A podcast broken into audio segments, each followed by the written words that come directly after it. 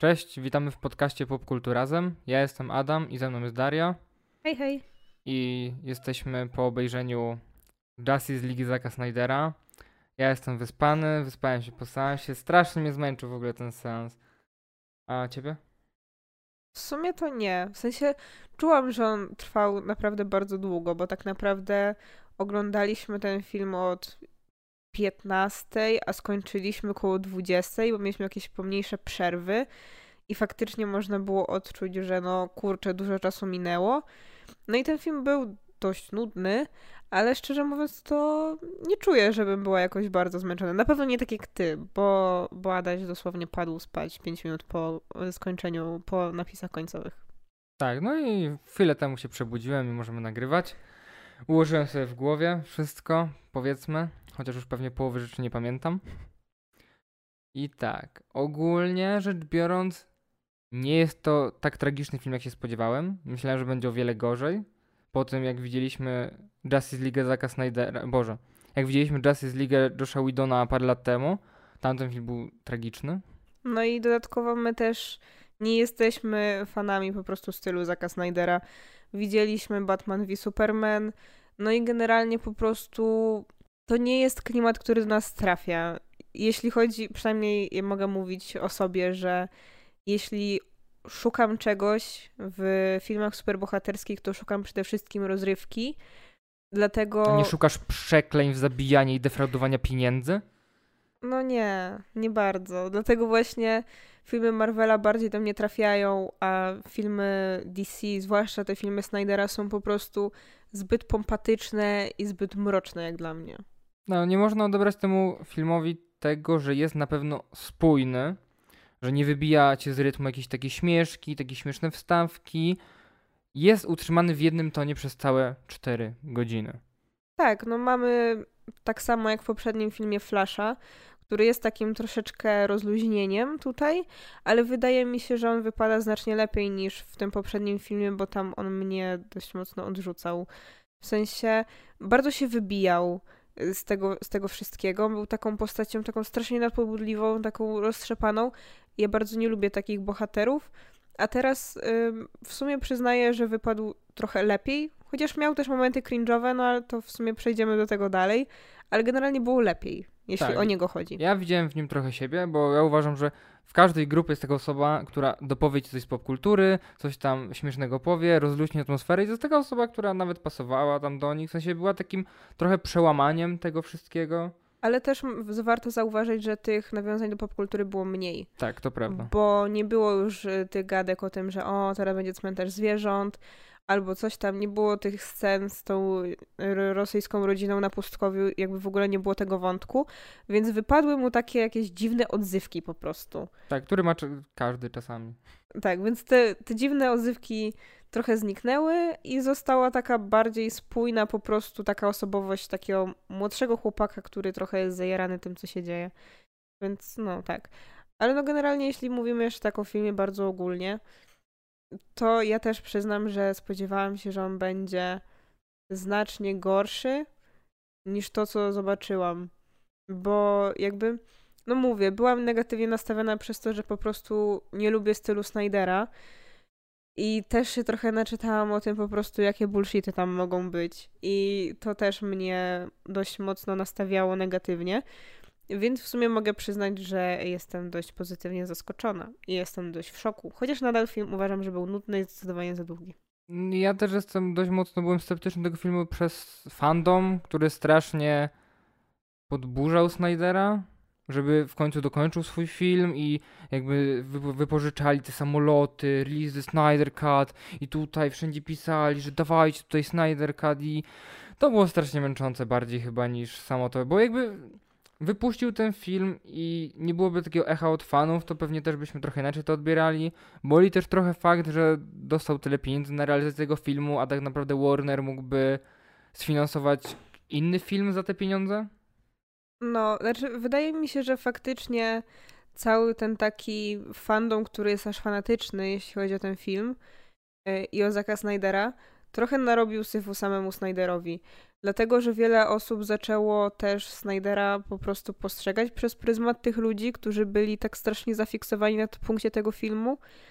I jakby ja zupełnie rozumiem fakt, że on chciał ten film dokończyć, dlatego że no wiemy, że on nie dokończył pierwotnej wersji nie dlatego, że nie wiem, był słaby, czy jakoś tam, nie wiem, nie zgadzał się z wytwórnią, tylko po prostu musiał przerwać nagrywanie ze względu na to, co się wydarzyło w jego życiu rodzinnym i że spotkała go duża tragedia. Więc ja się nie dziwię zupełnie, że chciał ten film dokończyć.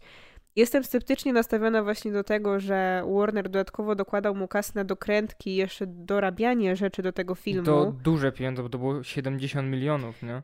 Tak, więc jakby rozumiałabym, gdyby po prostu pozwolili mu skleić tamto i ewentualnie dokończyć efekty. Byłam sceptycznie nastawiona do doklejania rzeczy, dlatego że wiadomo, że to nie jest film, który obejrzy bardzo dużo ludzi, bo na pewno nie obejrzy go tyle ludzi, które mm, tyle ludzi, ile widziało na przykład tą wersję Widona w kinach.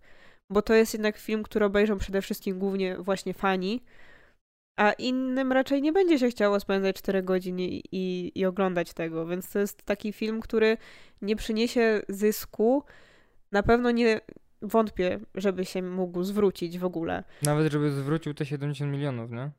Bo ja nie wiem, czy ta pierwsza tak. Justice League zarobiła cokolwiek. Zarobiła, czy wyszła na zero. Nie pamiętam. Nie wiem, nie pamiętam. E, no wiem, że była zjechana. Ale no właśnie mówię, więc wydaje mi się, że właśnie ten fandom narobił też momentami więcej szkody niż, niż yy, korzyści dla samego Snydera. Wiadomo, że mieli też jakieś przebłyski dobrych akcji, że organizowali różne zbiórki na różne fundacje i to jest akurat fajne, ale ogólnie właśnie taka, taki fanatyzm aż myślę, że mu narobił syfu troszeczkę. I też na pewno takich ludzi, którzy byli zniechęceni, jeszcze bardziej zniechęcił do, do samego filmu i też pewnie do, do samej osoby Snydera, co jest no trochę przykre, nie? A propos tych 4 godzin, to ten film mógłby trwać naprawdę krócej. W sensie jest tam mnóstwo niepotrzebnych scen. Z jednej strony tak, ale z drugiej strony moim zdaniem to nie jest tak, że ten film mógłby być krótszy, tylko moim zdaniem ten film swoją długością pokazuje po prostu, jak bardzo zabrakło jakiegoś filmu pomiędzy. Albo jak zabrakło na przykład filmu o Flashu, czy jak zabrakło filmu, nie wiem, o Cyborgu, jeśli byśmy chcieli ich ro, y, jakby rozwinąć. Bo ten film bardziej rozwija te postacie, dokłada im trochę jakiegoś backstory, zwłaszcza Cyborgowi, i to jest tak naprawdę coś, co można byłoby rozwinąć w innym filmie, no nie? Też, ale uważam, że po prostu brakuje też Snyderowi jakiegoś scenarzysty, który pisałby, powiedzmy, scenariusze dla niego, bo Snyder nie potrafi pisać krótkich filmów i nieraz to pokazał i przy okazji Batman v Superman i przy okazji 300. Te filmy są cholernie długie mhm. i bardzo często te sceny są takie o niczym. No Snyder lubi takie, nie wiem, jakieś monumentalne kino strasznie robić. Ale właśnie ja po prostu odczuwałam w trakcie oglądania, że tutaj powinien być jakiś film pomiędzy, który dodałby jakieś rzeczy. Bo no tak naprawdę ten film w dużej mierze polega na tłumaczeniu. Na tłumaczeniu tego, co się dzieje. Jak pojawi nam się na przykład właśnie cyborg, no to musimy wytłumaczyć, jak do, doszło do tego, że on e, stał się tym półczłowiekiem, półcyborgiem, też dlatego, że on jest powiązany z tymi motherboxami. Flasha też musimy trochę dołożyć. Dodatkowo całą historię tych motherboxów trzeba nam wyłożyć, więc no tego jest naprawdę dużo, nie? No wiem, akurat Cyborg nie wiem, czy jest taką interesującą postacią akurat na solowy film, ale rzeczywiście Flash, przydałoby mu się no, solowy film Aquaman. Miał, ale chyba już po, po Justice League. Później. Więc to też inaczej. Tak, brakuje tego. No i to też kolejny raz pokazuje, jak bardzo Snyder chciał dogonić Marvela ze swoim uniwersum. Tak, no i dodatkowo jeszcze no pod koniec sam można zauważyć, że Snyder ma po prostu taką tendencję do wrzucania mnóstwa rzeczy. On ma czasem takie jakby podejście, jakby, nie wiem, usiadła i zaczęła czytać sobie komiksy i zobaczyła, wow, ale dużo fajnych postaci, muszę je wszystkie tu wsadzić. I on przez to często właśnie dorzuca jakieś te postaci tak trochę z czapy, no nie? Na jedną scenę, albo żeby wspomnieć, żeby mrugnąć okiem do kogoś. I to też jest niepotrzebne, bo po prostu się nie klei często. Może on powinien pisać seriale, a nie filmy. Może, to nie jest wcale głupi pomysł. Wtedy miałby ile chciałby czasu, żeby zrobić serial, ile chciałby odcinków, bo to też wygląda tak, że on ostatnie pół godziny filmu w ogóle to jest, nie jest film, to jest jakby dziwna sklejka wszystkiego, co chyba się nie zmieściło wcześniej, a co Snyder nagrał i uznał, że jak już nagrał, to on sobie wrzuci do tego filmu.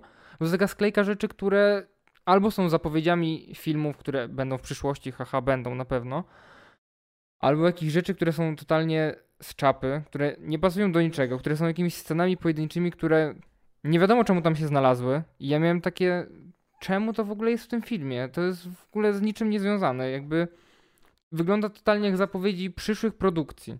Tak, no niestety właśnie ta końcówka była dla nas takim festiwalem facepalmów i ona myślę, że to był, to był najgorszy element tego filmu. Właśnie te ostatnie jakieś 30 minut.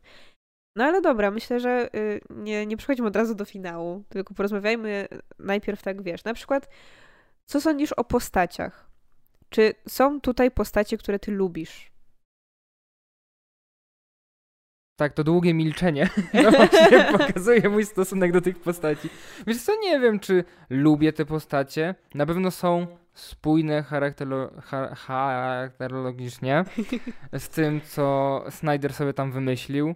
Batman jest cały czas taki, no, mroczny i cały czas mówi o tych mrocznych rzeczach i tutaj oczywiście czarny kostium. Nawet Alfred mu tam dopowiada, że no, albo nie, chyba to Diana mówi, że no, zrób mu lasso, ale pamiętaj, żeby było czarne. I to jakby trochę definiuje tą postać i to, że jest bogaty, o którym hehe, śmieszny żarcik. I że nie ma znajomych. Tak, i że nie ma znajomych. I jak, tak, jest ta śmieszna scena, jak Alfred chce zrobić herbatkę wszystkim, jak przychodzą do Batcave i Alfred mówi, no, to idę zrobić herbatkę. Tylko ciekawe, czy mamy tyle szklanek, nie? No, mamy tego Flasha, który jest nawet ok, nawet mi się spodobał w tej e, odsłonie, chociaż ma jedną żenującą scenę strasznie, do której za chwilę pewnie przejdziemy. Aquaman jest strasznie dziwny w tym filmie, jakby totalnie mi nie pasuje z tym, jaki był przedstawiony w swoim solowym filmie, co bardzo widać, jak Snyder chciał, żeby wszyscy byli tacy mroczni i edgy, tak, jakby pamiętam, że jak obejrzeliśmy Justice League, to strasznie nie podobał mi się Aquaman. To był taki moment, w którym ja byłam chyba świeżo po czytaniu y, komiksów z Aquamanem, z Rebirth, czy coś takiego. I jakby bardzo spodobał mi się tamten y, komiksowy Aquaman i miałam, o kurczę, to jest taka fajna postać, taka bardzo ludzka, no nie? I że bardzo podobały mi się te różne jego rozterki, to jaki ma charakter. A tutaj nagle oglądam ten film i to jest, wiesz, gościu, który chodzi z gołą klatą, rozwala butelki i jest I taki strasznie mroczny. Tak, a czemu nigdy nie zdejmuje spodni, jak idzie pływać? To, to jest dla nas ciekawe. Czemu nie pływa w kąpielówkach, ale koszulkę musi zdjąć? Czy tylko dlatego, żeby pokazać klatę i tatuaże? Pewnie tak. Pewnie tak.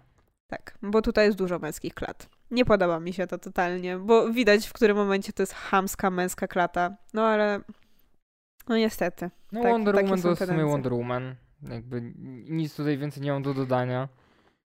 Nic więcej w sumie nie pokazała. Co... Nie, jakby Wonder Woman nie ma charakteru w tym filmie. Ona po prostu tłumaczy. Tak, nienawidzę Snydera za to, co zrobił z motywem muzycznym Wonder Woman. To jest tak świetny i charakterystyczny motyw, jakby usłyszysz początek i wiesz, że to jest Wonder Woman, a oni tutaj dodali jakieś dziwne chóry, jak z jakiegoś Wiedźmina i ja nie wiem o co z nimi chodzi. I cały czas jest tylko ten chór, tylko chyba w jednym fragmencie w tym, jak napadają na te dzieci. W, tym, dwóch. W dwóch? No. Jest tylko ten dalszy motyw, a reszta to jest tylko jakieś takie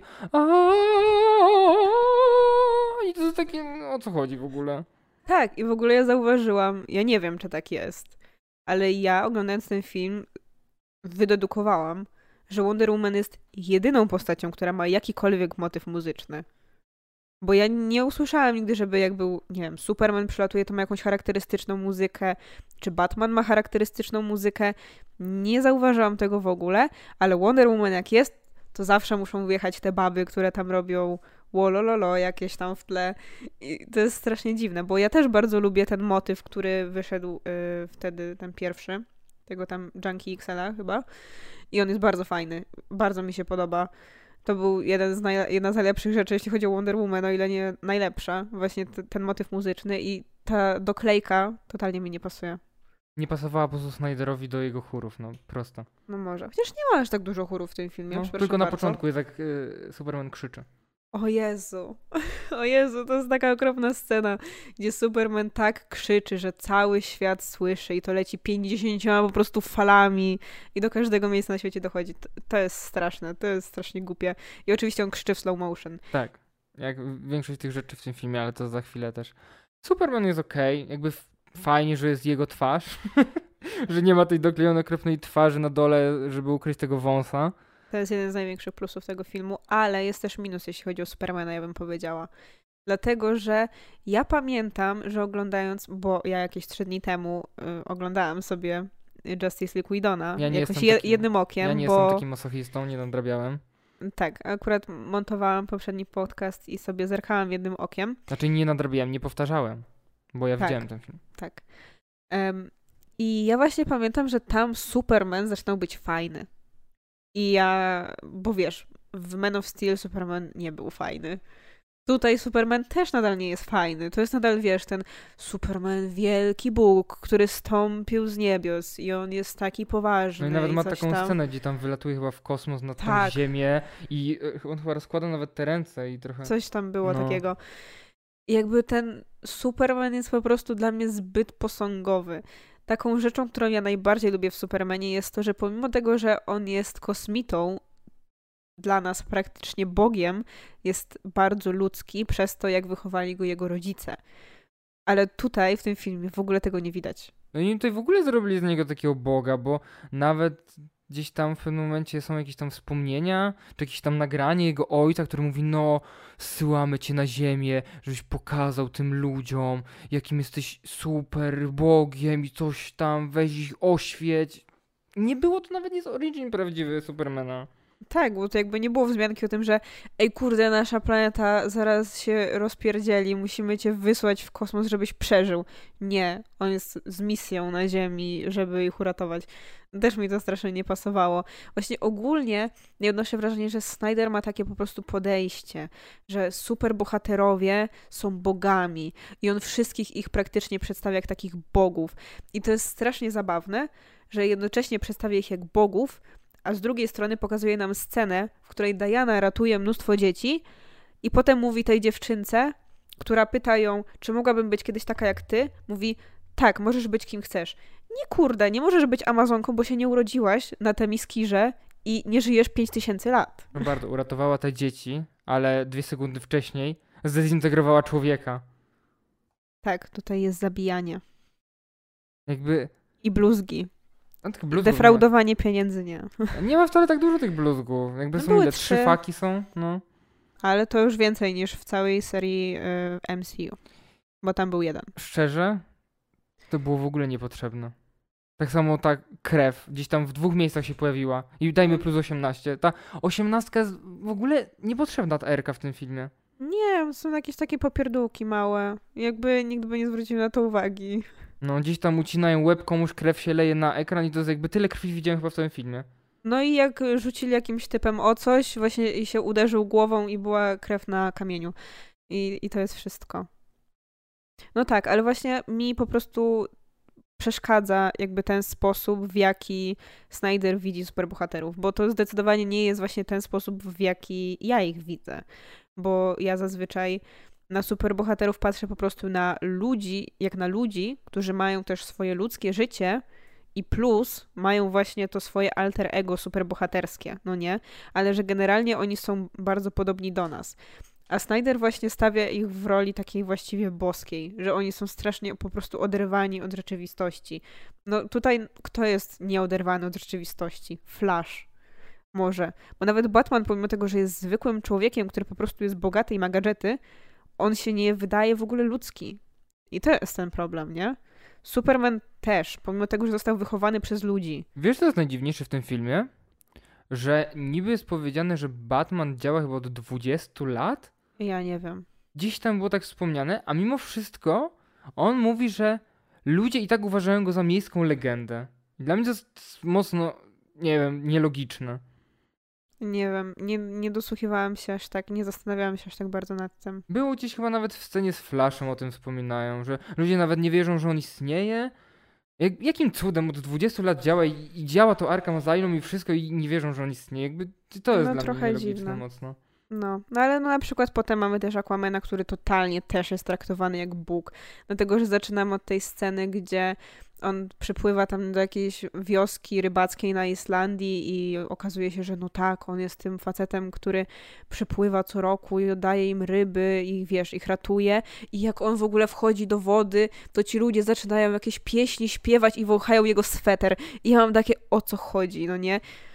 Jakby rozumiem, że fajnie, że to jest gość, który im pomaga i fajnie, że dali mu sweterek, no nie, bo to jest taki, wiesz, tam taki islandzki sweter, fajnie, dali mu, bo on im pomaga, no to dali coś w zamian. Ale wąchanie tego swetra to już było dla mnie za dużo. Ja w ogóle myślałem, że ona podnosi ten sweter, żeby na przykład mu później, jak następnym razem przypłynie, żeby mu go dać. Może tak zrobiła, zrobi, ale no przy okazji go powąchała. Ale skąd on bierze tyle swoich koszulek? Jakby on za każdym razem, jak wchodzi do wody, to albo rozrywa, albo ściąga z siebie koszulkę i gdzieś wyrzuca, ale jak wychodzi na powierzchnię, zawsze ma na sobie koszulkę. Ja mam takie, skąd ty masz gościu tyle koszulek? Ej, to jest w sumie ciekawe, bo ja o tym nie pomyślałam. Ja się zastanawiałam tylko cały czas nad tym, czemu zdejmuje koszulkę, ale pływa w spodniach. I to jeszcze w jakichś takich spodniach, jakichś takich, takich dresowych. skórzanych. One są takie skórzane? Mi się wydaje, że one były takie dość luźne właśnie, że one tak powiewały w tej wodzie. Tak? Mi się wydawało, że one były skórzane. Nie wiem, ale i tak to jest dla mnie dziwne, bo i tak wszyscy w tej Atlantydzie pływają w zbrojach.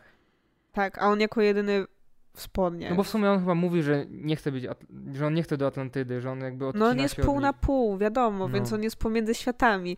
Ale właśnie też zwróciliśmy uwagę na to, że to tak zabawnie troszeczkę wygląda, że jest jakaś taka dziwna konwencja, że no wiesz, ludzie generalnie ubierają się normalnie, ale jak idziesz do Atlantydy, to wszyscy są w zbroi. Jak idziesz y, na Temiskirę, to pomimo tego, że te typiarki są tak naprawdę odcięte zupełnie od całego świata, cały czas chodzą w zbrojach. Nawet jak mają zwykłe ciuchy, to one wyglądają jak zbroja. Więc bardzo dziwnie to po prostu wygląda, tak bardzo kreskówkowo, gdzie ludzie cały czas po prostu chodzą w jednym ubraniu, no nie?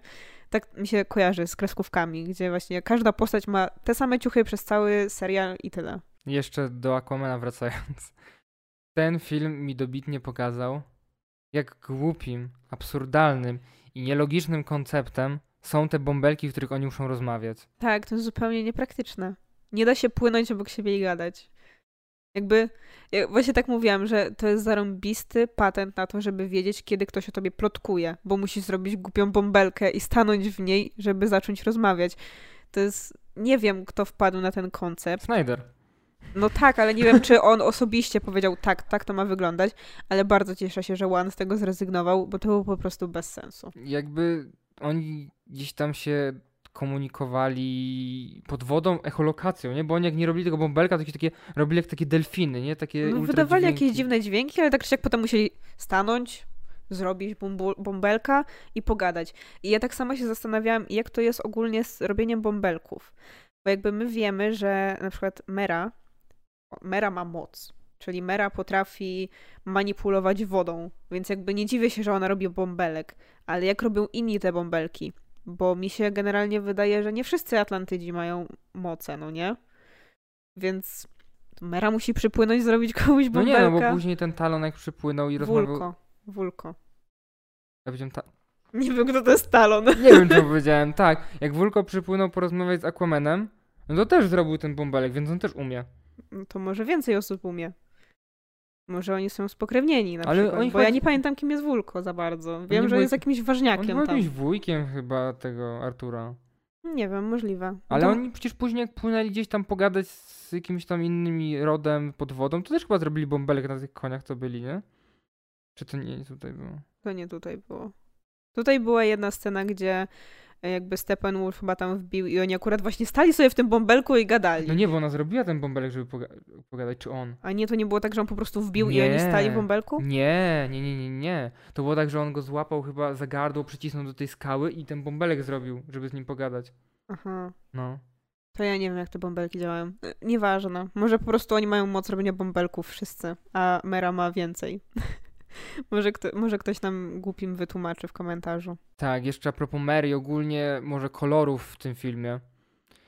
Zwróciliśmy uwagę z Darią na to, jak w ogóle wyglądają, przedstawione są Atlantyda i mhm. Themyscira, bo w tych solowych filmach, w Wonder Woman i w Aquamanie, to są takie kolorowe, radosne światy, gdzie tam tutaj łąka, zielona trawka, pod wodą tutaj wiesz, rafy koralowe, wszystko się świeci, wpływasz do Atlantydy, tak jakbyś kurde do Las Vegas wpływał. Na Temiskira generalnie jest przedstawiona jako taka rajska wyspa, jakbyś popłynął na Malediwy, no nie, i oglądał fotki, wiesz, influencerek na Instagramie, jakby tak to dosłownie wygląda, jak taka, wiesz, rajska wyspa po prostu, a tutaj jest po prostu szaro. I to wygląda tak, jakbyś tam wiecznie były chmury, na przykład płyniesz na tą Temiskirę i się nie poopalasz, bo cały czas jest szaro. Jakby Mm, Podobnie jest pod wodą, nie? Cały czas masz ciemno, szaro, ponuro. Nawet jak wychodzą na powierzchnię, to wszyscy są strasznie ponurzy. Mera, ona w Aquamanie miała takie fajne, czerwone, takie wyraziste te włosy, a tutaj praktycznie czarny, taki ciemny, bordowy, taki aż jeszcze wyszarzony, żeby jak najmniej kolorów było. Okropnie to tak, wygląda. one zupełnie się nie wyróżniają, te jej włosy. Ja na Wygląda- początku nawet nie poznałem, że to jest Mera. Nawet pytałem, "Da- Daria, to, to jest Mera? To, to jest ona? To totalnie nie... Naj, najbardziej charakterystyczną rzecz dla niej totalnie jej zabrali. Tak, no jakby też pamiętamy, że potem w Aquamanie miała taki oczojebny, zielony strój. Nie, tutaj też ma po prostu jakieś takie, nie wiem, taki bełt. No nie, te kolory właśnie też bardzo negatywnie na to wpływają i właśnie pokazują, że ten film właśnie musi być szary, bury, pompatyczny, z chórami. Chociaż nie ma dużo chórów. Ale właśnie jakby same te, sam ten kolor grading strasznie po prostu przygnębia. I już nawet, nawet ten flash nie potrafi nas rozbawić, bo po prostu wszystko jest szare. Bo po prostu chce się spać od tego, no co mam powiedzieć. No to też prawda. No i ale do wizji Snydera, do czarnego, szaro-burego świata pasuje czarny strój Supermana, który pojawia się gdzieś tam już jak wskrzeszają tego Supermana. Ogólnie to, w którym momencie został wskrzeszony Superman, pokazuje, jak bardzo ten film potrzebował jeszcze jednego filmu pomiędzy. Dlatego, że w wersji Widona do tego, do tego wskrzeszenia dochodzi dość szybko, a tutaj wskrzeszenie zaczyna się po dwóch i pół godzinie. On wtedy dopiero wraca. Chociaż nadal jest tak, że on zaczyna być normalny strasznie szybko.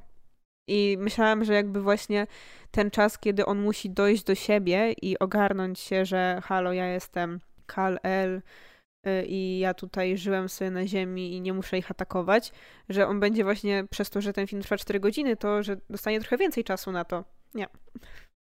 I też w sumie sam Batman wspomina, że Lois, że był tutaj y, Barry z przyszłości i powiedział mi, że Lois Lane jest kluczem. I on mówi, ona mówi, że no może właśnie do y, zmienienia Supermana na dobrego. On mówi, Że do serca. Tak, a on mówi, to nie może być to. I właśnie to jest bez sensu, dlatego że to jest tak, że w jednym filmie pojawia nam się tekst, że Lois Lane jest kluczem, w drugim filmie pojawia nam się tekst, że Lois Lane jest kluczem. Myślałam, okej, ktoś nam to wytłumaczy. Nie. Może w trzecim filmie nam wytłumaczył, że Lois Lane jest, co to znaczy, że Lois Lane jest kluczem, ale pewnie tego trzeciego filmu nigdy nie będzie, więc nigdy się nie dowiemy, o co chodzi z tym, że Lois Lane jest Ale kluczem. pasowałoby to, że jest kluczem do tego, żeby Superman znowu był dobry.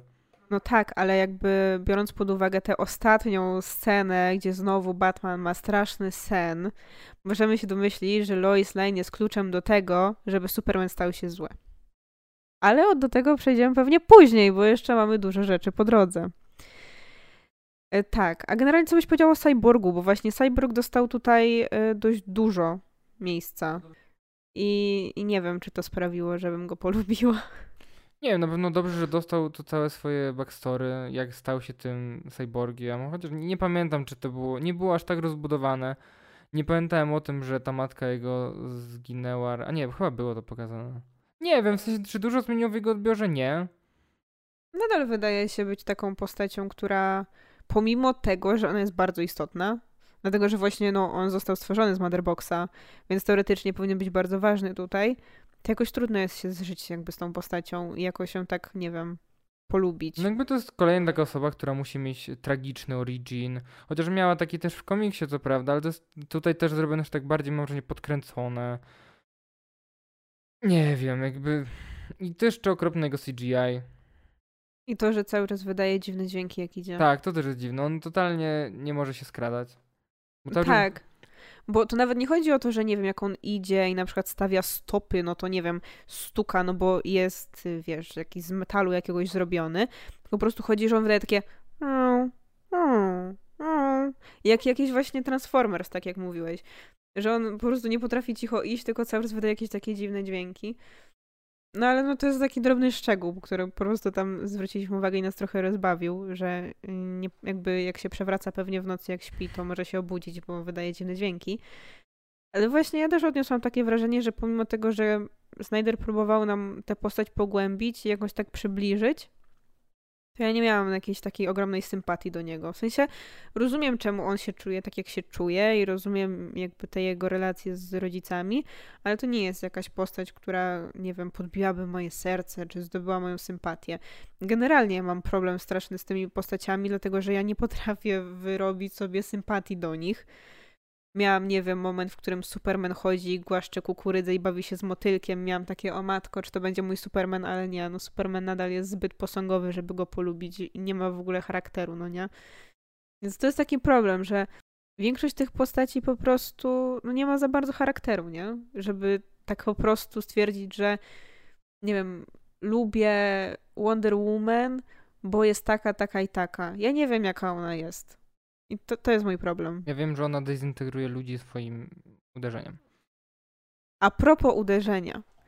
Doszliśmy dzisiaj do wniosku, że generalnie uderzenie, zderzenie dwóch bransolet, takie Wakanda Forever, które y, robi Wonder Woman, to jest taki atak, który ona musi sobie ładować. Że tak jak w grach, zawsze jak ona to zrobi, to potem pojawia się taki pasek ładowania i ona musi poczekać 5 minut, żeby znów to zrobić. Dlatego, że ona w każdej z walk robi to tylko raz. Pomimo tego, że to jest taki ultimate atak, że w ogóle wszyscy wtedy giną i w ogóle jest wielki podmuch i wszyscy umierają, to ona zawsze robi to raz i robi to na koniec. Bo może musi, wiesz, zrobić jakiś combo, żeby dopiero móc naładować ten atak. Może tak być. No, więc to troszkę takie zabawne. No bo to też pokazuje trochę, że ten atak jest po prostu trochę za bardzo OP chyba, no nie? No to też pokazuje, że cała Justice League jest trochę za bardzo OP, gdzie muszą ci dać jakiegoś Steppenwolfa, który jest nie wiadomo jak super, żeby jakkolwiek było jakieś wyzwanie dla nich. Mm, trochę. Ogólnie, no właśnie mówię, przez to, że ci bohater, bohaterowie są aż tacy boscy, to właśnie trudno jest w ogóle dać im jakiegoś przeciwnika, który byłby, nie wiem, jakby który mógłby przed nimi stanąć. Jakby tutaj, nie wiem, ja odnoszę wrażenie, że ci wszyscy, te wszystkie Jokery, Lexy Lutory i tak dalej, oni nie mają tej racji bytu, bo dostaną jednego strzała od Supermana albo Wonder Woman zrobi strzał bransoletami i nikogo nie ma. No ale jak miałeś w solowych filmach? No w Man of Steel był... Kto był? Zod. No. To też jest taki dość potężny gościu. W, w Batman v Superman był Darkseid. Później y, w Wonder Woman miałaś Aresa, też Boga. Jakby cały czas jest tak, że muszą walczyć z jakimiś kurde przepotężnymi postaciami. A weź sobie później takiego Flasha, który teraz walczył z takim Steppenwolfem, żeby on później, nie wiem, walczył sobie z y, Captain Coldem. Gościem, który ma pistolet, który zamraża. No. Jakby, to, jakby totalnie się to nie klei. Ja sobie nie wyobrażam solowego filmu Flasha, żeby miał tych swoich klasycznych przeciwników, którzy nie byliby podciągnięci do granic możliwości. No myślę, że nawet z Batmanem byłoby podobnie. W sensie, jakby wiesz, no bo jedyne co, jakby to, co dają y, przeciwnicy Batmana, to jest to, że oni są sprytni. No nie, więc oni zazwyczaj nie, nie rozwiązujesz spraw siłą, tylko jakby sprytem, bo oni wiesz, tu kogoś porwią, tu zostają ci jakąś wskazówkę, tu coś tam, że oni są po prostu przebiegli. Więc jeszcze okej, okay, ale właśnie jeśli chodzi o siłę, no to tak naprawdę jak jakiegokolwiek złapiesz, no to już jest po nim. No może taki Bane by był w tym uniwersum takim dobrym przeciwnikiem jego. Może. Chociaż no jednak już zaczęliśmy od razu od jakiejś e, akcji z kosmosu, więc naprawdę trudno byłoby kogoś tam znaleźć, kto by jeszcze do nich pasował. Cały czas musieliby chyba się tłuc właśnie z tymi kosmitami albo ludźmi z innych wymiarów, żeby to miało jakikolwiek sens, bo oni są po prostu bardzo, bardzo podkręceni i jakby trudno jest znaleźć kogoś, z kim oni by w ogóle mogli walczyć. Pomimo tego, że jest ich tylko piątka. Nie szóstka? A, szóstka. No właśnie, nawet na końcu jest Zawsze scena. zapominam o Aquamanie. Nie, myślałem, że o Supermanie. Nie o Aquamanie A, nie, no bo na końcu była ta scena, że no, kupiliśmy sobie dom, chałupę, masz tutaj, o, ja już widzę, tutaj sobie postawimy stół i pięć krzeseł. A I w całej chałupie postawiam tylko stół. Tak, i pięć krzeseł, a Wonder Woman, Wonder Woman mówi, chyba chciałeś powiedzieć sześć, on. A no tak. Nie, Tak. on powiedział miejsce na więcej. A, okej. Więc chodzi o to, że mogą dołączyć inni jeszcze. Ale to wygląda tak, jakby na świecie nie było nikogo innego, kto jest meta człowiekiem, pomimo tego, że istnieje określenie meta człowiek. Tak, z, bo, jakiej, z, jakiejś, yy, z jakiejś paki funkcjonuje. dokładnie, bo, oni, bo on, Batman mówi, że no, szukam tutaj y, potężnych istot na całej planecie, ludzi z mocami i to tak, że on szuka i nie może znaleźć. Nagle znajduje, on tutaj jest Aquaman, tutaj, o, znalazłem Flasha, ale to co, on szukał tyle czasu i nikogo nie potrafił znaleźć? To też się wydaje trochę absurdalne. No, jakby właśnie mówię, że Alfred normalnie używa określenia metaludzie, pomimo tego, że tak naprawdę jest ich szóstka. Przy czym Superman nie jest meta człowiekiem, bo nie jest człowiekiem. Batman też nie jest Wonder metaczłowiekiem. Woman nie jest człowiekiem też.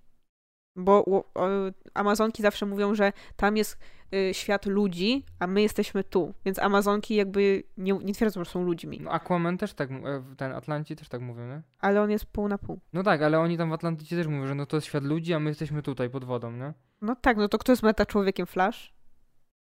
Znaczy, no nie wiem, no bo ja ogólnie tego określenia No. słyszałem zawsze w kontekście Flasha i jego uniwersum, metaludzia. Nie, jest tego więcej. Wiesz, jak oglądałam Young Justice, to tak po prostu się mówiło na ludzi z mocami, że to są meta ludzie. No ja kojarzę głównie z Flasha, że tam zawsze mówią, że no to są mu- muta, Boże, muta ludzie i meta ludzie. No, nie, to na przykład Young Justice to jest po prostu takie określenie, które funkcjonuje, żeby określać ludzi z mocami, ale no właśnie, wiesz, no wydaje mi się, że kosmita z mocami, czy właśnie osoba, która nie jest człowiekiem z mocami, no to nie jest metahuman, nie? Więc tak naprawdę wychodzimy na to, że mamy jednego. No jeśli Aquamana możemy podciągnąć, nie wiem, jak on się tam identyfikuje, czy No. bardziej jako człowiek, czy bardziej jako y, gościu z Atlantydy. Dobra, przejdźmy może do Flasha, jak już wróćmy do niego No, i do jego super y, cringe sceny. Później przejdziemy do jego innych scen, ale ja bym chciał na początku tą scenę. scenę z kobietą, która się tu pojawia i o której tak mówili, że wow, pojawia się Iris West, pojawia się w jednej scenie. Oni nawet chyba nie powiedzieli, jak ona ma na imię. Ale mówili o tym wcześniej, że pojawi się Iris West w tym filmie i pokazywali, to jest ta babka, która jest Iris No West. tak, ale w samym filmie nie padło. tak. No i ogólnie taka scena, I nie mówi ani słowa.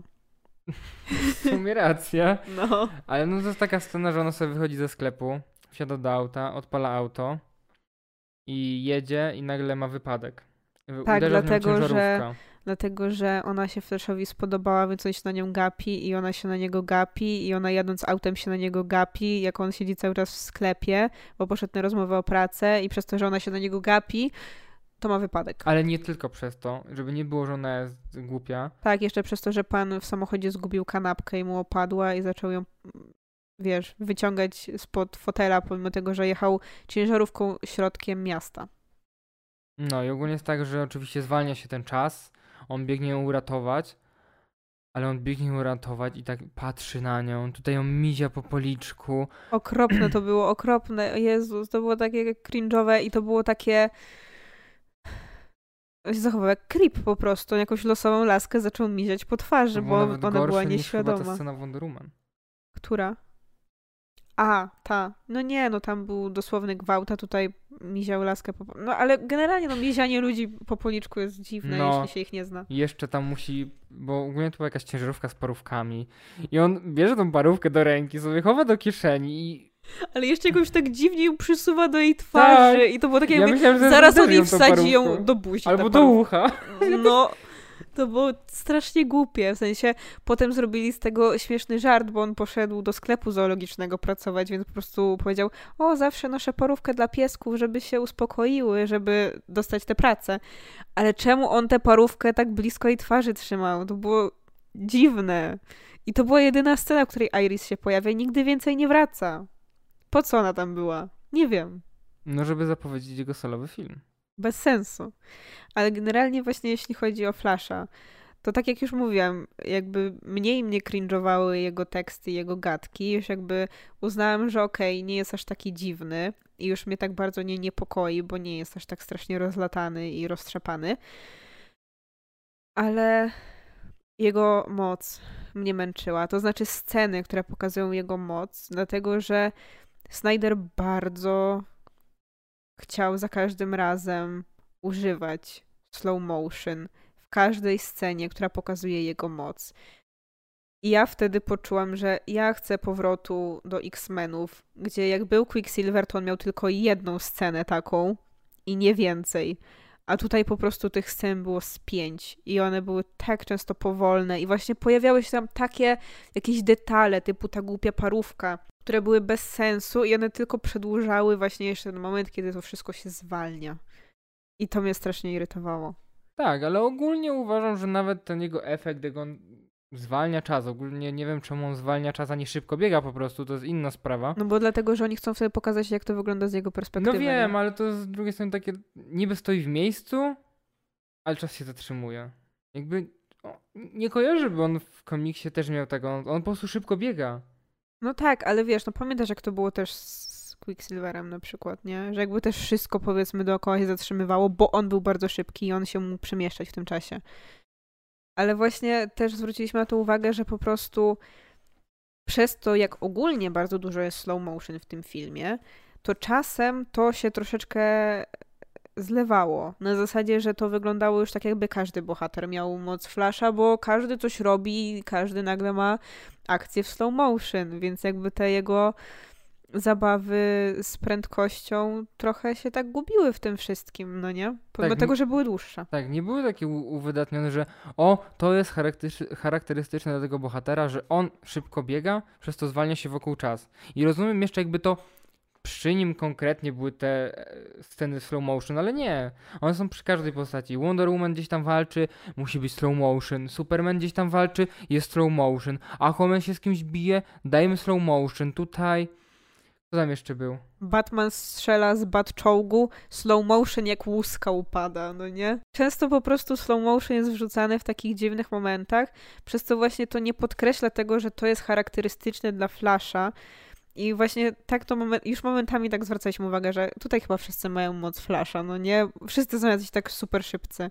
Tak, a, a, a przez to, że ten film ma tyle slow motion, to ten film się strasznie dłuży przez to, bo ja miałem takie wrażenie, dobra, jesteśmy w połowie filmu, nie, minęło dopiero 20 minut, ja pierdzielę, będzie, to, to będzie trwało wieczność. Na, na spokojnie, gdyby uciąć te wszystkie, czy uciąć, po prostu dać normalny czas w tych wszystkich slow motion, nie z flashem, albo w tych takich, powiedzmy, nie wiem, charakterystycznych momentach, jak ta e, e, Wonder Woman też tam uderza, te pociski, okej, to film też by był krótszy. No. No Właśnie rozumiem, jakby było właśnie w tym i z Wonder Woman, powiedzmy, bo ona często ma takie motywy, że o, patrzcie, jaka jest zwinna, że tutaj przeleciała kula, a teraz ustawi tak rękę, że będzie dobrze. I u niej właśnie było tak trochę przeplatane momentami, że raz było w slow motion, a raz pokazywali po prostu, że robi to bardzo szybko i to wyglądało nawet I fajnie. to było właśnie bardzo dziwne, bo ja miałem takie. Wszystko pokazują bardzo wolno, a nagle jakieś tam pojedyncze sceny są takie, że ona bardzo szybko tymi rękami przebiera, że ja nawet nie widzę tego. I o co chodzi? Dlaczego? Trochę, trochę to wybijało, ale mi Tak. się to podobało nawet. Tym bardziej, że cały film jest slow motion, nagle po niektóre sceny są przyspieszone. No, ale właśnie to mi się czasem podobało, że pokazywali to, że robi to wreszcie szybko, bo jakby wtedy miałam, miałam taki pogląd na to, jak faktycznie to wygląda, jak ona to robi, że jak ona tak naprawdę szybko przebiera tymi rękami. Też prawda. Aż tak szybko to powiedziałam, Boże. No, a jeśli jeszcze chodzi o plusy, o zmiany postaci na plus, ja bym chciała wspomnieć Alfreda. Dlatego, że ja w Justice League Widona odnosiłam wrażenie, że Alfred nie tyle, że jest taki sarkastyczny, czy tam ironiczny, jak on często jest, w sensie, że lubi sobie takie mm, tak dogryzać troszeczkę Batmanowi, to że on po prostu czasem jest hamową. Że on się po prostu, on po prostu czasem ma takie odzywki, że to są po prostu niemiłe. I ja to oglądałam i mówię, halo, panie Alfred, proszę nie być takim niemiłym człowiekiem. I mi to bardzo przeszkadzało. A w tym filmie Alfred jest już bardziej taki poczciwy. I bardzo podoba mi się to, jak właśnie on się zawsze dziwi, jak ktoś tam zwala mu się na tą chatę, no nie? Że jakby coraz więcej ludzi przychodzi. Przychodzi ten Flash i się tam z nim grzecznie wita, a potem nagle przychodzi ten cyborg niemiluch i mu nie powie I dobry. mówi takie. "Hm, No, że niektórzy mu nie mówią dzień dobry, że on pomaga Dianie zrobić herbatkę i jej tam musi tłumaczyć wszystko, jak ma zrobić, żeby nie poparzyć listków. I on jest taki fajny, taki poczciwy. Tutaj mi się właśnie podobał, bo w tym, tej poprzedniej wersji właśnie miałam takie, że no nie, nie pasuje mi taki Alfred, bo jest właśnie bardzo niemiły. I ja się czułam obrażona, jak on tak mówił do Batmana. To nie był mój Alfred. To już był bardziej mój Alfred. To przejdźmy może do największego złola tego filmu. A który to jest, bo tam było trzech. Dobrze, przejdźmy najpierw do tego złola, który jest głównym przeciwnikiem, czyli Stephen Wolfa. Okej. Zmienili go trochę. Jakby nie pamiętałem, jak on wygląda w poprzednim filmie. Tutaj wygląda też dziwnie. Też jest cały CGI, cała jego zbroja. Wygląda strasznie dziwnie. Jakby... Ta jego zbroja wygląda jak opiłki, które się przyczepiły do magnesu i nie wiem, to strasznie się tak świeci, on jest właśnie cały taki świecący i przez to wygląda bardzo dziwnie. I ma moja ulubiona część jego zbroi. To jest to, że on generalnie jest cały nagi. Znaczy teoretycznie ma te zbroje z tych opiłków, ale musi mieć jakąś taką płachtę przewieszoną na tyłku i z przodu. I to jest tak, że ta płachta jest na zbroi i jest ze zbroi.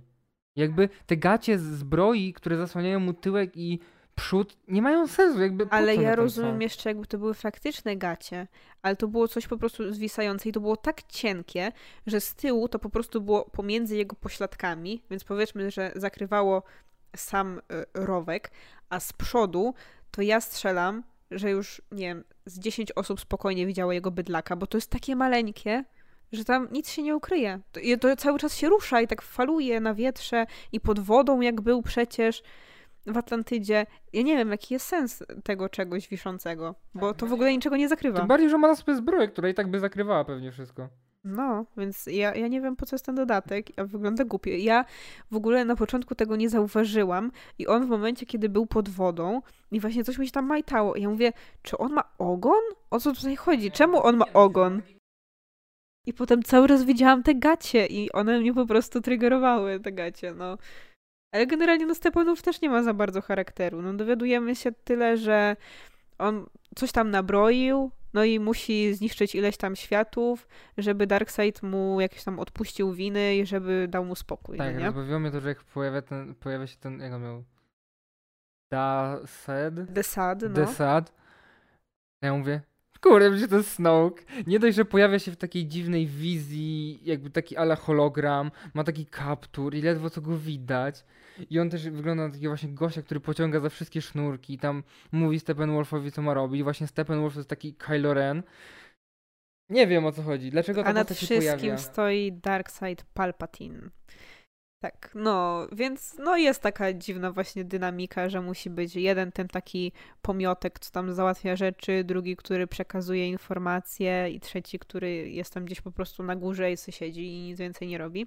Ale generalnie, no nijacy są ci złoczyńcy, no po prostu mają jakiś tam sobie cel i tyle, no yy, nie porwało mnie to. Oni nie mieli być jacyś, a mieli po prostu być wyzwaniem dla naszych bohaterów. No, tyle. No wiem, no i są po prostu prze przedmiotem jakimś takim, który ma, ma coś zrobić, a nie mają mieć charakteru.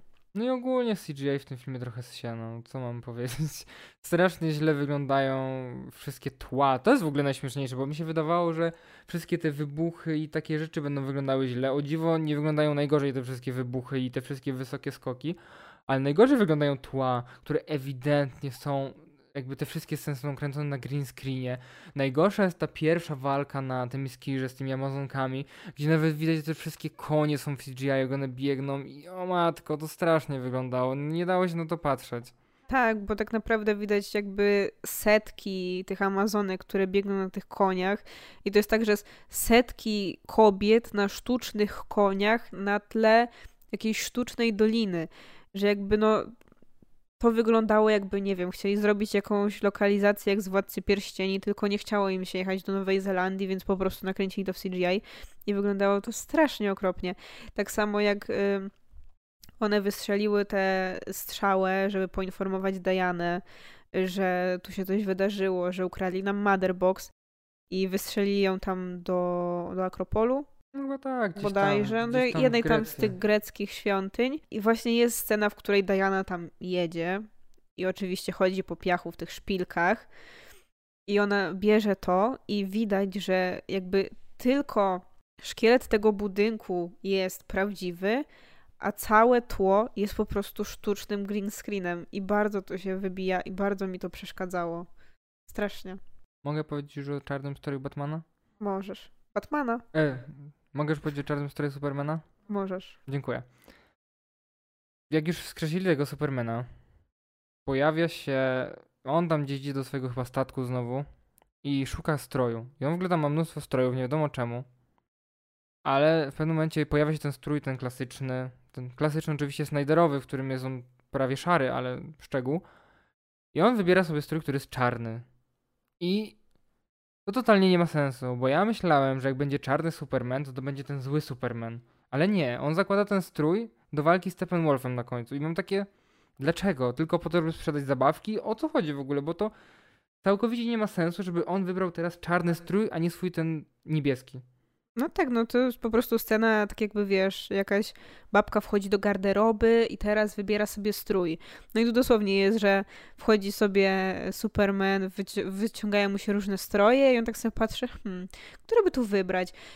I wybrał sobie ten czarny, ale najbardziej rozbawiło mnie to, że ja po prostu bałam się, że to będzie taki motyw jak y, w Batman v Superman, że tam w tle, wiesz, będzie jakiś kostium Superboya, albo wiesz, Kosmo Super Psa, no nie? Że było tak jak wtedy było z Robinem, że wow, patrzcie, tam był jakiś Robin, chociaż mnóstwo ludzi może nawet nie wiedzieć, kto to jest kurde Robin, ale wrzucimy coś takiego, no nie? Ale tutaj też się pojawia wzmianka, nie?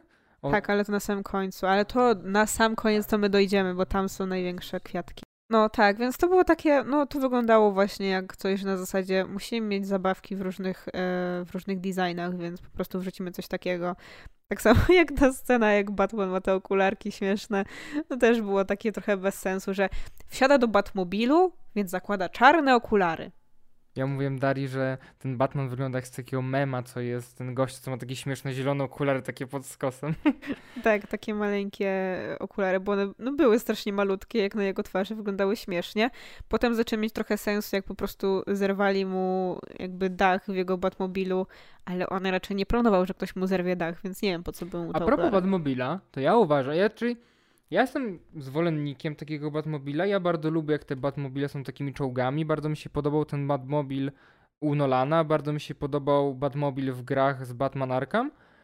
I w ogóle, ja powiedziałem to Dari, Daria mówi, no rzeczywiście, bo ja mam w, w pokoju figurkę.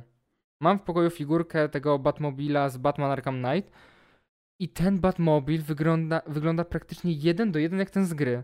Mm, mi, się mi się bardzo podoba, bo to jest taki właśnie czołg, ale ciekawe to jest, że tak przyjął sobie ten koncept.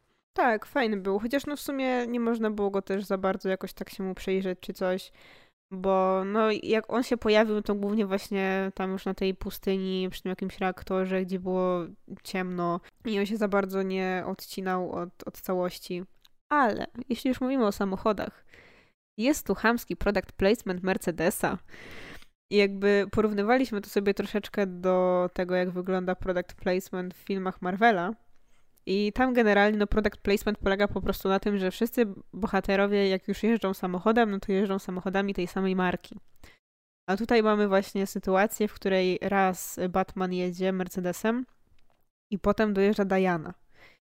I jeśli po prostu jechaliby tymi Mercedesami, no to spoko ale w scenie z Batmanem dostajemy jakiś oczywiście super nowoczesny ten Mercedes i on wsiada i jak odpala, to zapalają się takie śmieszne światełka w środku i nagle na ekranie tym takim komputera pokładowego pojawia się takie wielkie logo Mercedesa. Ja, ja sobie wyobrażałem, że tam powinno paść, paść że Bruce mówi Hi Mercedes, on mówi na Hi Bruce.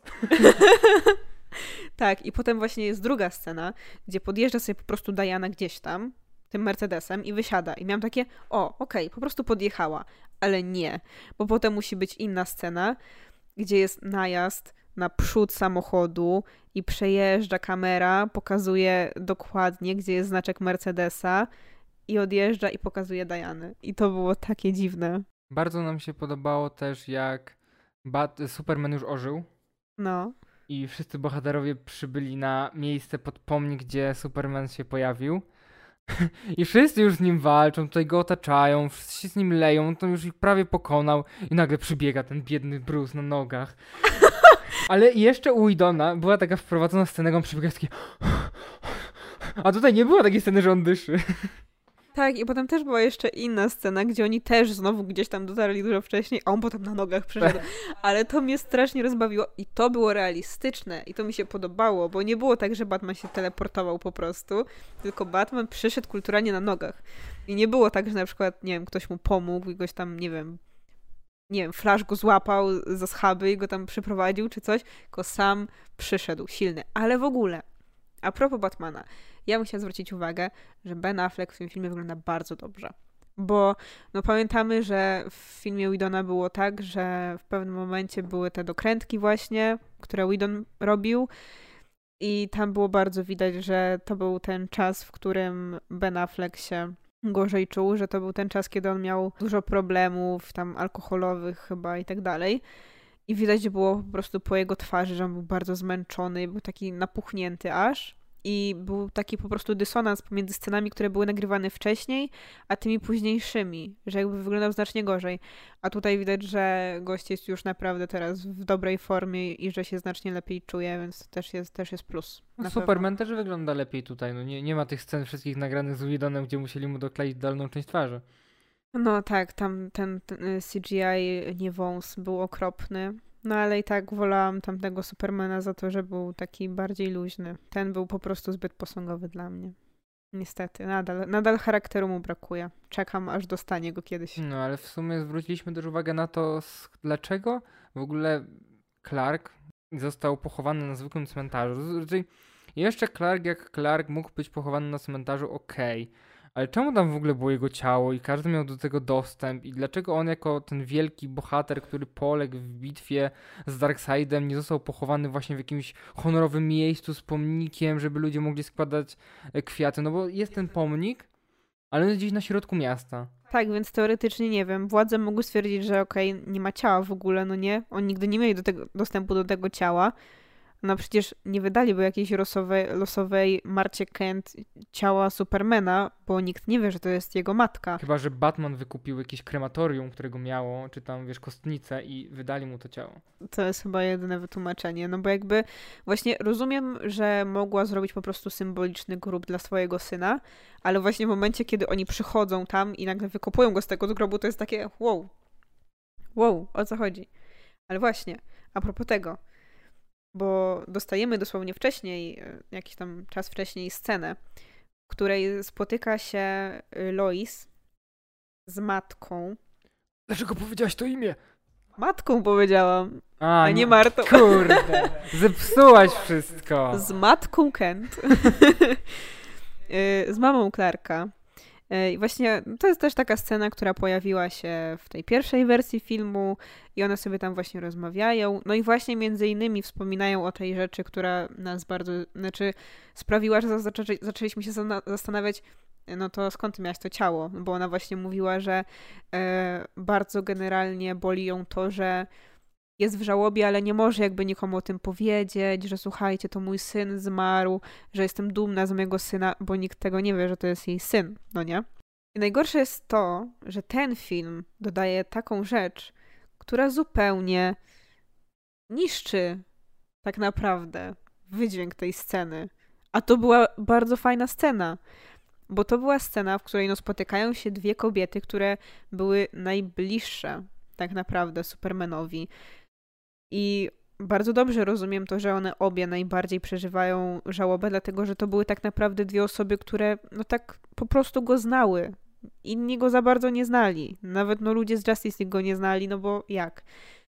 A wiesz, to masz matkę, która go wychowała, no i Lois, która była jego partnerką i byli ze sobą szczęśliwi i tak dalej. I one sobie właśnie o tym rozmawiają i to jest strasznie miłe że mogą w pewien sposób właśnie podzielić się ze sobą tymi uczuciami, którymi nie mogą się podzielić z nikim innym, bo nikt nie wie, że Clark to Superman. I w momencie, kiedy Marta wychodzi w Justice League Snydera, okazuje się, że to wcale nie była Marta. A kto to był? Martian Manhunter. Dlaczego? Skąd on się tam wziął? Co to w ogóle za postać? O co z nią chodzi? Nie mam żadnego pojęcia. Pojawia się po prostu i tyle. Znaczy, no, my wiemy, co to jest za postać, tak? Ale widz nie musi wiedzieć. Tak, ale to jest. No i właśnie mówię, i najbardziej wkurza mnie właśnie nawet nie sam fakt, że on się pojawił, tylko to, że on po prostu zepsuł wydźwięk całej sceny. Bo wychodzi tak naprawdę, że właśnie Lois się z Martą nie spotkały w ogóle po tym. Że one się spotkały tak naprawdę później, dopiero jak Clark wrócił i ona po prostu powiedziała: Ej, twój syn ożył, może byś przyjechała na farmę. I to jest wszystko. I potem jeszcze, wiesz, jak już wprowadzają się z powrotem na tą farmę, właśnie. Ale tak to właśnie one nie miały, przez to zabrano im w ogóle ten moment, w którym mogły się spotkać, usiąść ze sobą i porozmawiać, no nie? Więc to jest takie. Nie, miałam straszny zgrzyt. W sensie można było go wprowadzić po prostu w tej ostatniej scenie, gdzie on po prostu przylatuje do Brusa i mówi: Ej, fajnie, że się zjednoczyliście, ja mogę wam pomóc. I nie wiem, wkurzyło mnie właśnie to. Że on się pojawił w takim momencie i po prostu zabrał fajną rozmowę postaciom. No, no chyba tak naprawdę chyba wszystko powiedzieliśmy, co chcieliśmy o samym filmie. Teraz przejdźmy do tej samej końcówki, co? Nie, jest jeszcze jedna rzecz. Jest jeszcze jedna rzecz związana z Lois. A, dobra, zapomniałem o niej już. Było tak. Tak, bo generalnie jakiś czas temu czytaliśmy sobie, nie wiem gdzie to było, na jakimś variety czy czymś. Wyciekł jakiś taki materiał, który miał pokazywać plany Zaka Snydera na późniejsze y, części Justice League, na kolejne części. I jednym z wspaniałych wizjonerskich pomysłów było to, żeby Lois Lane była w ciąży. Ale żeby Lois Lane nie była w ciąży z Supermanem, tylko z Bruce'em. Nie wiemy czemu. Jaki to ma sens, nie wiemy. Ale w tym filmie pojawia się scena, kiedy Lois sobie śpi i budzi się i jest jej bardzo smutno, bo dotyka poduszki obok i tam nie ma Clarka. I potem otwiera sobie szufladę i wyjmuje tam z niej coś, a obok leży jebitny test ciążowy. I ja się zastanawiam, czy to miało być hint do tego, i potem się zastanawiam, jak. Jak ona nie ma żadnej, ale to żadnej relacji z Bruce'em Wayne'em. Oni się w ogóle znają? Nie wiem, może się znają gdzieś tam z widzenia, ale oni chyba ze sobą nie gadali, a na pewno nie w tym filmie. Więc to po prostu jest jakiś po prostu właśnie pomysł z czapki, który nie ma sensu. Tak, i w ogóle ten motyw tej ciąży nie wraca w ogóle. Ten test się pojawia i tyle. I nawet się nie pojawia sam test, tylko pojawia się pudełko po teście, więc nawet nie wiadomo, czy ona jest w ciąży. Tak, więc nie wiem, to jest po prostu turbo dziwne. Jakby no, gdybyśmy y, nie przeczytali jakby sobie wcześniej y, tego wycieku, to pewnie byśmy się nawet nie zastanowili nad tym, nie zwrócili pewnie uwagi. Ale kurczę, to nie ma sensu. W ogóle. Zero. Po co to? Panie Snyder, co panu jest? Czemu pan takie rzeczy wymyśla? No ale dobra, to jeśli chodzi o bardzo dziwne pomysły, no to możemy już przejść do samiutkiej końcówki.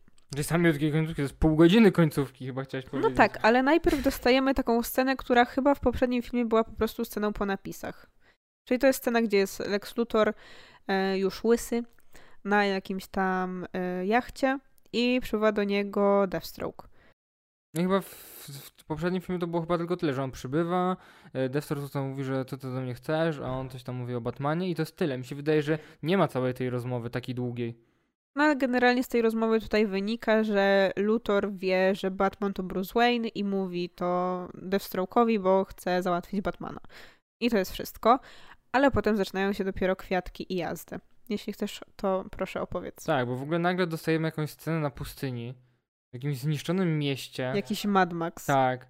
I nagle w ogóle jest tam, nie wiem, czy to jest Mera? Tak. Tak, w ogóle znowu jej nie poznałem. I jeszcze jakiś dziwny chłop, ja nie wiem, kto to jest. A ja też nie wiem. I był ten Deathstroke też tam. To był No Deathstroke? tak, to był, de- był A to, to ten dziwny chłop, to ja mówiłam, No to tak, Deathstroke. właśnie byłem zdziwiony. Dlaczego Deathstroke nagle współpracuje z Batmanem? A, Bo- i Flash z brodą. Tak, i Flash Brodą, którą Daria powiedziała, że to nie jest ten aktor, kto to za Flash? Ja mówię, no to jest Bara, to jest ten, Ezra Miller. Ja mówię, że niepodobny w ogóle jest. Ja mówię, no jak, to, to brodę ma po prostu. Tak, w ogóle te postacie totalnie nie wyglądają jak te postacie. No i Cyborg jest. Tak, no i Cyborg jest i nagle jest jakaś dziwna w ogóle scena, gdzie oni gadają o jakichś niestworzonych rzeczach i pojawia się... W ogóle cały film czekałem na Jokera, który nagle pojawia się w ostatnich, kurde, pięciu minutach. I nie mówi, że żyjemy w społeczeństwie. No właśnie, nie mówi, że żyjemy w społeczeństwie, to na minus.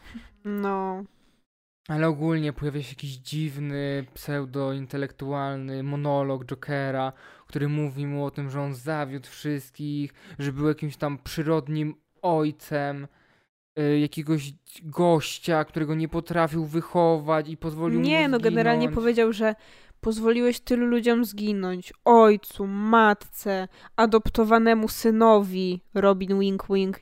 Ludzie nie wiedzą, kto to jest. Tak, w tym filmie nawet się znają nie pojawia taka postać, nie pojawia się żadna wzmianka o Robinie, nie pojawia się wzmianka nawet o tym, że on kiedykolwiek miał jakiegoś adoptowanego syna. Nic kompletnie się nie pojawia. Jak ktoś nie wie, to nie będzie wiedział o co chodzi. Tak, i dodatkowo Joker jeszcze wali taką gadkę, jakby, nie wiem, jakby on w ogóle kiedykolwiek się pojawiał i miał relację z Batmanem. On nie ma relacji z Batmanem, a zaczyna tutaj mówić o tym, że ja jestem twoim najlepszym kumplem, ty beze mnie nie możesz żyć. Ja mam takie, ja rozumiem, że to jest taki motyw, który się często pojawia. Nie wiem, oglądałam Lego Batmana, wiem o co chodzi, no nie? Ale w tej serii filmów to nie ma sensu, dlatego że ten Joker i ten Batman nie mają żadnej relacji. Oni się nie spotkali, w sensie w Suicide Squad pojawił się jakiś cień Batmana, ale nie wiemy, kto to jest. Oni nie mają relacji. Więc to jest takie, czemu? Tak samo jeszcze wcześniej jest scena, gdzie Mera mówi o, ja pomszczę Artura za to, co mu zrobili. A Bruce mówi, co ty mi tutaj pierdzielisz? A ona, to ty nigdy nikogo nie kochałeś? I ja mam takie, w taki sposób mi sugerujecie, że oni się kiedyś zakochają. A potem dostajesz film Aquamena, gdzie oni się jeszcze tak za bardzo, no trochę się tam zakochują, ale no to jest ja takie... wciąż nie, a nie, bo Aquaman dzieje się po Justice League i to jest wspominane często w Aquamanie samym. Więc to jest bez sensu. Więc jakby tu widać, że właśnie to jest, to jest taka scena w stylu właśnie przeczytałem ileś komiksów, wiem, że oni są w związku, wiem, że ich relacja generalnie wygląda tak, to ja to powiem po prostu.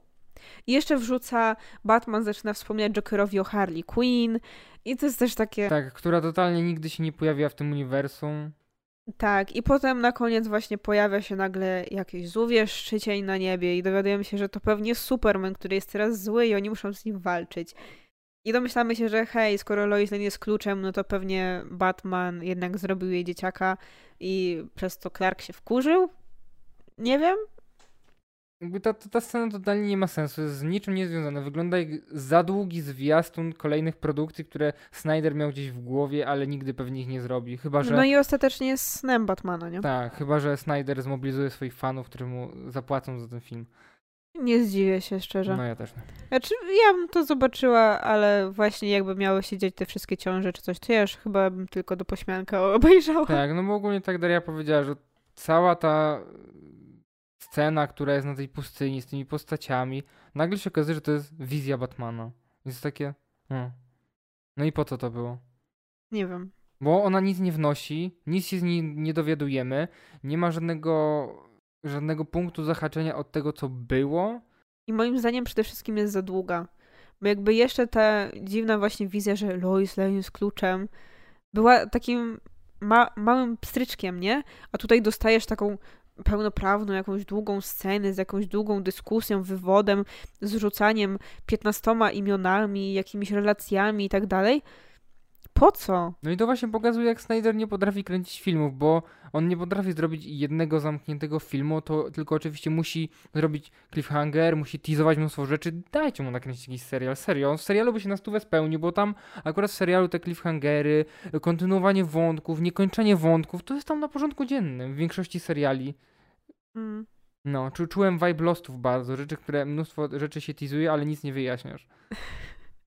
No, więc to było takie to mi strasznie zepsuło jakby ten odbiór końcowy. No i potem na końcu jeszcze pojawia się właśnie Martian Manhunter, który mówi, że no, fajnie, że walczyliście razem właśnie, miło było to zobaczyć, mi też na ziemi zależy, jak coś to wam pomogę. No i ta scena by pasowała jako scena po napisach. To by była taka dla mnie idealna scena, która nie jest związana z filmem, ale pasuje jako powiedzmy taki puszczenie oczka, że może coś będzie dalej z tym związanego. Tak, i właśnie wolałabym, żeby on się pojawił tylko w tym momencie mhm. I gdyby w ogóle nie pojawiał się wcześniej w, właśnie w tej rozmowie, że właśnie ujawniał, że on udawał Martę, tak. bo to było zupełnie niepotrzebne. Tak, tym bardziej też nie wiemy, kim on jest wtedy i to nie ma sensu. No, więc jakby nie wiem, to, to mi właśnie przeszkadzało. Ale no generalnie, jakbyśmy mieli tak podsumować, to jak ty byś ten film ocenił? Po tym jak powiedzieliśmy, bo wiadomo, my dużo narzekaliśmy, ale to też trzeba wziąć pod uwagę, że zazwyczaj y, łatwiej jest wytykać błędy niż chwalić rzeczy, no nie? W ogólnym rozrachunku, kurczę, no, no jest nudny, no muszę przyznać, no za długi zdecydowanie, nudny. Wiem, co będę sobie puszczał, jak nie będę mógł usnąć na przykład, ale nie czułem się jakoś zażenowany, nie łapałem się, znaczy czasami się łapałem za, głow za głowę nad bzdurnymi pomysłami Snydera, ale no taki mocny średniak, bardzo mocny średniak, taki bardziej mocny średniak niż bar bardziej dobry film. ale nie jest to totalne gówno, jakie się spodziewałem. Tak, ja też właśnie oczekiwałam, że to będzie właśnie taki, taki seans, który będzie bardziej śmieszny niż ciekawy. Ostatecznie nie był zbyt ciekawy, bo właśnie przede wszystkim jest zbyt monotonny i zbyt nudny i właśnie czułam, że to mogłyby być dwa filmy i wtedy byłoby lepiej. Mogły być to dwa seriale, dwa sezony. no może nie aż tak. Ale w sensie to, że mógłby to być serial, mogły być to być, mogłyby to być przynajmniej dwa filmy, żeby jakby na spokojnie to wszystko poprowadzić. Ale właśnie pomimo tego, że to jest taki nudny film, to to nie jest taki zły film, że aż boli. Tak, no jest spójny, no bo widać, że Snyder miał powiedzmy, czyli miał pomysł. Miał pomysł na 10 filmów, których nie potrafił zrobić, znaczy chciałby pewnie zrobić, ale nie dadzą mu już, więc to jest takie, to jest początek tego, co ja chciałem zrobić. No, więc to jest też trochę, to jest, to jest film ciekawostka, ja bym tak powiedziała. W sensie pewnie obejrzy go jakaś garstka ludzi i może ich to zaciekawi, ale to nie jest zdecydowanie film, który trzeba w ogóle obejrzeć, bo on nie będzie miał żadnego wpływu na to, co się wydarzy później. My, chyba, miejmy że... nadzieję, że nie będzie miał żadnego wpływu na to, co się stanie później. No właśnie, no chyba, że właśnie znów zdarzy się taki precedens jak teraz, że nie wiem, znowu... Nie, lepiej, żeby się nie zdarzył. Ale z drugiej strony weź też pod uwagę, że teraz DC ma troszeczkę inne podejście, no nie? I też stawia trochę na luźniejsze filmy. Więc jakby mówię, nie wiem, wszystko jest możliwe. Mimo nikt wszystko się też... lepiej, żeby się nie wydarzył. Ale nikt się nie spodziewał, że Snyder Cut tak naprawdę wyjdzie, więc ja nic po prostu nie zakładam.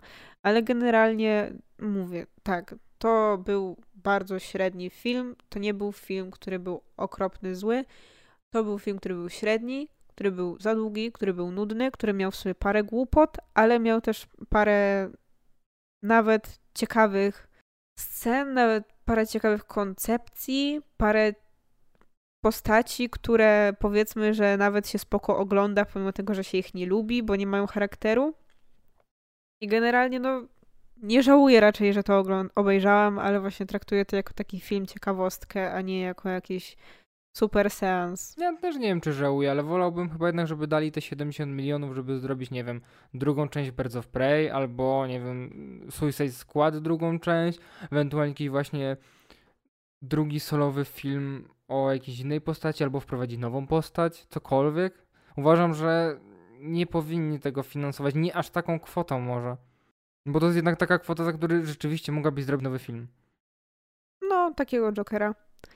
Ale no generalnie możemy panu Snyderowi pogratulować, że mu się udało osiągnąć jego cel. Wyszło to nawet ok. Znaczy, ja mam trochę obawy, że zaraz się zacznie nagonka fanów na kolejne filmy, żeby o, dajmy tutaj cut tego filmu, albo dajmy cut tego filmu. Skoro jednym się udało, no to dlaczego innym miałoby się nie udać, nie? To jest właśnie taki... Nie wiem, czy inni twórcy mają aż tak duży fandom. No nie, ale wiesz o co chodzi, że jak już raz się udało, to czemu nie spróbować z innymi filmami, nie? Nie wiem, jakby nie zakładam czegoś takiego, może takie coś się wydarzy, ale właśnie wydaje mi się, że mm, trudno byłoby zebrać teraz już właśnie taką zorganizowaną grupę. Wydaje mi się, że może właśnie być tak, że ewentualnie właśnie fani Snydera, którzy będą zmobilizowani tym, że teraz im się udało, mogą próbować przepychać kolejne rzeczy, kolejne swoje projekty i swoje, kolejne swoje pomysły, znaczy jego projekty i to, co chcieliby zobaczyć ale nie wiem, jakby będę to chętnie obserwować. Ale mam nadzieję, że się trochę uspokoją i że Snyder będzie mógł robić swoje rzeczy już normalnie, bo, bo mówię, no oni mu nie robią dobrego PR-u niestety, a on nie wydaje się być jakimś strasznym gościem. Znaczy, no nie więc... wiem, ja mam wrażenie, że on trochę podburzał też twój fandom, żeby tak trochę robili. Mi się nie wydaje, że on podburzał fandom, wydaje mi się, że po prostu dla niego to jest taki passion project, że on po prostu bardzo chciał to zrobić. To, że fandom jakby to łapał i przy okazji dawał mu przez to jakieś korzyści, to jest inna sprawa, ale wydaje mi się, że no wiesz, dla niego najważniejsze było to, żeby zrobić film, bo widać, że to jest dla niego ważny film, bo to jest też film, który jest dedykowany jego zmarłej córce, tak? Więc ja rozumiem, że to jest dla niego ważny film, dlatego mówię, że fajnie, że sobie zrobił, ale niech teraz już robi inne rzeczy. Ale to Tego znowu mam wrażenie taki film trochę historia, w sensie coś jak mm, Endgame, Mam wrażenie, że nie wiem, za 10-20 lat już nie będzie pamiętał tego filmu. W sensie, no to jest jak z Endgame. Endgame działa tu i teraz, bo ma całą tą podbudówkę uniwersum. Tak samo powiedzmy ta Justice League. obejrzeliśmy ją dlaczego? Przez tą całą historię tej Justice League, jak to właśnie Snyder miał problemy rodzinne, musiał odejść od projektu, dali ten film komuś innemu, który zrobił coś dziwnego z tego filmu, po czym wiesz, fani się zmobilizowali, żeby jednak nagrali ten film i studio w końcu uległo i dali mu skończyć ten film. I to mam wrażenie, że to jest ten film taki właśnie, który działa tu i teraz, a za parę lat już nikt go nie będzie tak pamiętał i nie będzie miał takiego wydźwięku jak teraz. Tak, na pewno. Dlatego mówię, ja traktuję ten film jako ciekawostkę, tak samo jak na przykład Endgame traktowałam jako film wydarzenie, bo to był film dla osoby, która jest fanem bardzo ważny i był bardzo ważnym przeżyciem. Tak samo strzelam, że i dla samego Snydera, i dla jego fanów to zaraz też jest wielkie przeżycie, więc fajnie, że oni też coś takiego mają, tak jak mieli fani Marvela, bo pamiętam jak to było na Endgame. Więc mówię, generalnie to nie jest mój styl, to nie jest coś, co ja lubię ale było nawet okej. Okay. Bardzo, mówię, no, to jest ciekawe doświadczenie, więc fajnie, że oni też takie mieli, ale mam nadzieję, że Snyder będzie teraz robił inne rzeczy. Jak filmy o zombie dla Netflixa na przykład. No, to dziękujemy Wam bardzo za wysłuchanie naszego podcastu. Mnie możecie znaleźć w internecie wszędzie, w sumie pod nickiem Adaś Alex. Mnie możecie znaleźć na facebookowym fanpage'u Ocieplanie wizerunku Skandynawii o skandynawskim kinie oraz na książkowym Instagramie Daria Podłoga OWS. I dziękujemy za uwagę. Do usłyszenia. Pa, pa.